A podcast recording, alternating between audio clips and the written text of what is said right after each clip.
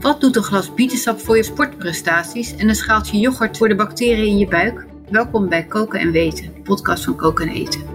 Deze serie gaat over mythes en fabels in de wereld van eten en drinken. En ik praat dan altijd met gezondheidsjournalist Tijn Elfrink. Goed dat je er weer bent. Ja, daar zijn we weer. Wat gaan we vandaag doen? Ja, we hebben een populair onderwerp te pakken. Oh nee, hè? toch niet bacteriën? Ja, ja, ja. ja. We gaan het weer over uh, bacteriën hebben.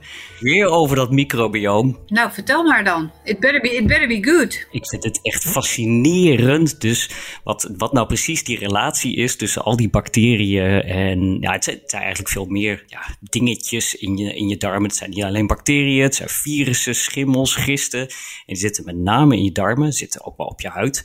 Maar in je darmen zitten ongeveer, nou alles bij elkaar zit anderhalf kilo. Ja, bizar hè? Ik vind dat dus fascinerend wat dat doet Ja. als je iets eet, uh, wat die bacteriën veroorzaken in bijvoorbeeld weer je hersenen. Zeker. En dat er echt een hele duidelijke wisselwerking is. Ja, dus als je goed, goed eet en goed drinkt, dan zou je best eens daarmee kunnen zorgen, voorkomen dat je somber wordt of juist zorgen dat je een beetje opgewekt blijft. Ja, exact. Ja. Ja. En hoe dat dan precies zit, dat, ja, dat, dat moeten we nog uh, ja, laten onderzoeken. Maar ja, het is verder ook niet heel erg van belang of je nou bijvoorbeeld uh, wat neerslachtig wordt door wat je eet, of dat je uh, ja, bepaalde veranderingen in je darm hebt omdat je neerslachtig bent of depressief. Nee, maar ja, het gaat er vooral om dat je of je het kunt veranderen natuurlijk. Exact, ja. Het gaat er vooral om dat je die cirkel doorbreekt. En dan maakt het nog niet eens zozeer uit waar je die cirkel doorbreekt. Ja, ik, begrijp, ik begrijp dat je ook wel, dat je vooral bent in gedoken in van, uh, moet je nou ook echt een duur, dure drankjes gaan kopen om uh, die darmen een beetje blij te maken? Dus waar je de Ja. cirkel doorbreekt. Ja, Kan dat ook met een, een schaaltje yoghurt voor, uh, nou ja, een paar dubbeltjes voor, een, uh, voor dat schaaltje of een veel duurder flesje van een bekend merk? Nou ik was benieuwd, uh, is er nou een verschil tussen yoghurt en die dure flesjes of die dure pakjes? Mm -hmm. En dat verschil is er, want ja, het is zo dat in yoghurt zitten weliswaar van die uh, probiotische bacteriën, dus die gezonde bacteriën. Alleen in van die speciale drankjes, uh, daar zitten veel meer van die bacteriën in. Dus als je daar, uh, als je bijvoorbeeld een flesje Yakult drinkt of wat Activia, dan krijg je veel meer van die bacteriën binnen. Mm. En uit onderzoeken blijkt ook dat de dosis best wel relevant is. En ja, eigenlijk kun je gewoon kort, ja, kort door de bocht, bocht zeggen dat een, een bakje yoghurt, ja, bevat gewoon niet heel veel. En zelfs zo'n flesje bevat niet voldoende om echt het verschil te gaan maken. Want in je darmen zitten miljarden en miljarden van die bacteriën. Mm. En de grote vraag is dus of uh, als je één bacterie toevoegt op 10.000 bestaande bacteriën in je darmen, of dat wel effect heeft. Ja. Daarvan zeggen wetenschappers, ja, je moet dus eigenlijk meer bacteriën toevoegen, want we hebben nou eenmaal heel veel bacteriën in die darmen. Maar dan heb je het dus per dag over bijvoorbeeld 100 flesjes Yakult. En wie, en wie drinkt dat? Nou, dat kan ik je niet aanraden om meerdere redenen. Eén flesje Yakult is 45 cent, 100 is dus 45 euro. Ben je per dag 45 euro kwijt. Maar... Ik krijg ze ook niet weg, denk ik. Maar goed. Nee, het, het Ja. is heel vies. En, en dat is Nou ja, ook- dat bedoel ik niet eens, maar probeer het maar eens allemaal op te drinken. probeer het eens op te drinken. En ja, als je dat dus zou doen, je zou er 100 per dag drinken, dan krijg je bijna 900 gram, dus bijna een kilo suiker binnen. Oh ja, ook nog. Nou, niet doen. Nee. Dat lijkt me heel onverstandig. Nee, dan zit je een beetje het kind met badwater weg te gooien. Exact. Dus dat is ook geen optie. Of paard achter de wagen, zoiets. Juist. Maar wat moet je dan wel doen? Ja, er zijn dus ook van die speciale capsules. En daar zitten ja, bijvoorbeeld tientallen bacteriestammen in. Dus dat klinkt allemaal wel leuk, van, eh, met 50 miljoen bacteriën per capsule en zo. Dat, ja, en toch ook daarvan wordt gezegd, ja, meerdere bacteriestammen is niet altijd beter. En je moet het een beetje vergelijken. Je, hebt, uh, je staat op de metro te wachten en er staan heel veel mensen op dat perron en uh, die deuren gaan open. En degene die het snelst binnen is, dat is niet per definitie de bacterie die zich ook handig en goed kan vasthouden aan die lus boven in de metro uh, als die gaat rijden.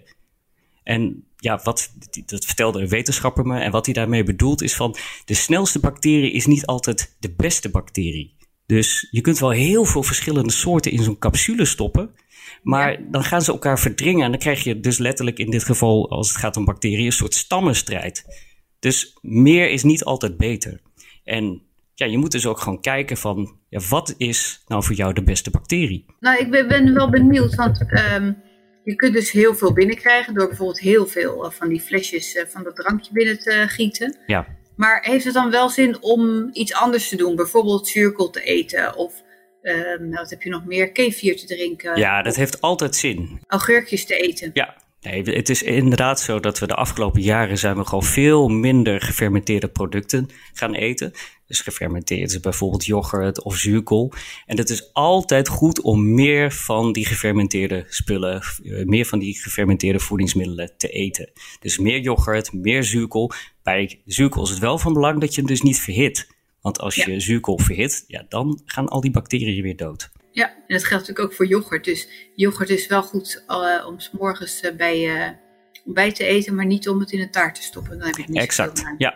Nee, dan gaan ze allemaal weer dood, ja. Echt heel jammer is dit nou.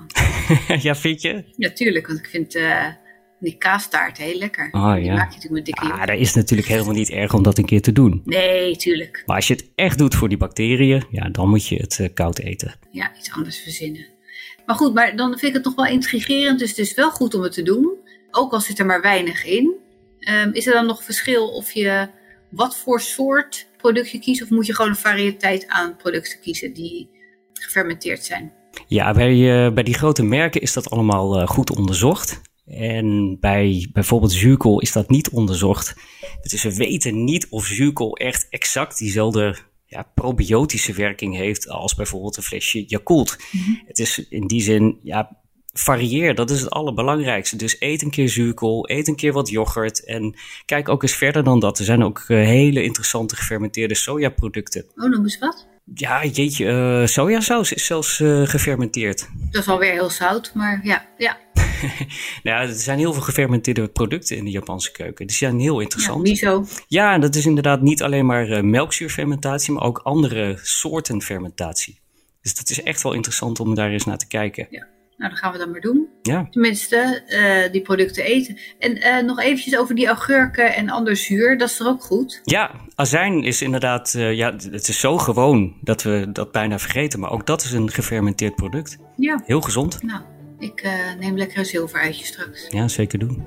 Augurken. Mm. Nou, en dan de volgende keer gaan we het volgens mij weer over bacteriën hebben. Maar dan weer een, een ander onderwerp. Ja, dan stoppen we ermee hoor. Dat is wel weer mooi geweest. Nou, lijkt me heel goed. Oké, okay, tot volgende keer dan. Tot volgende keer. Dag.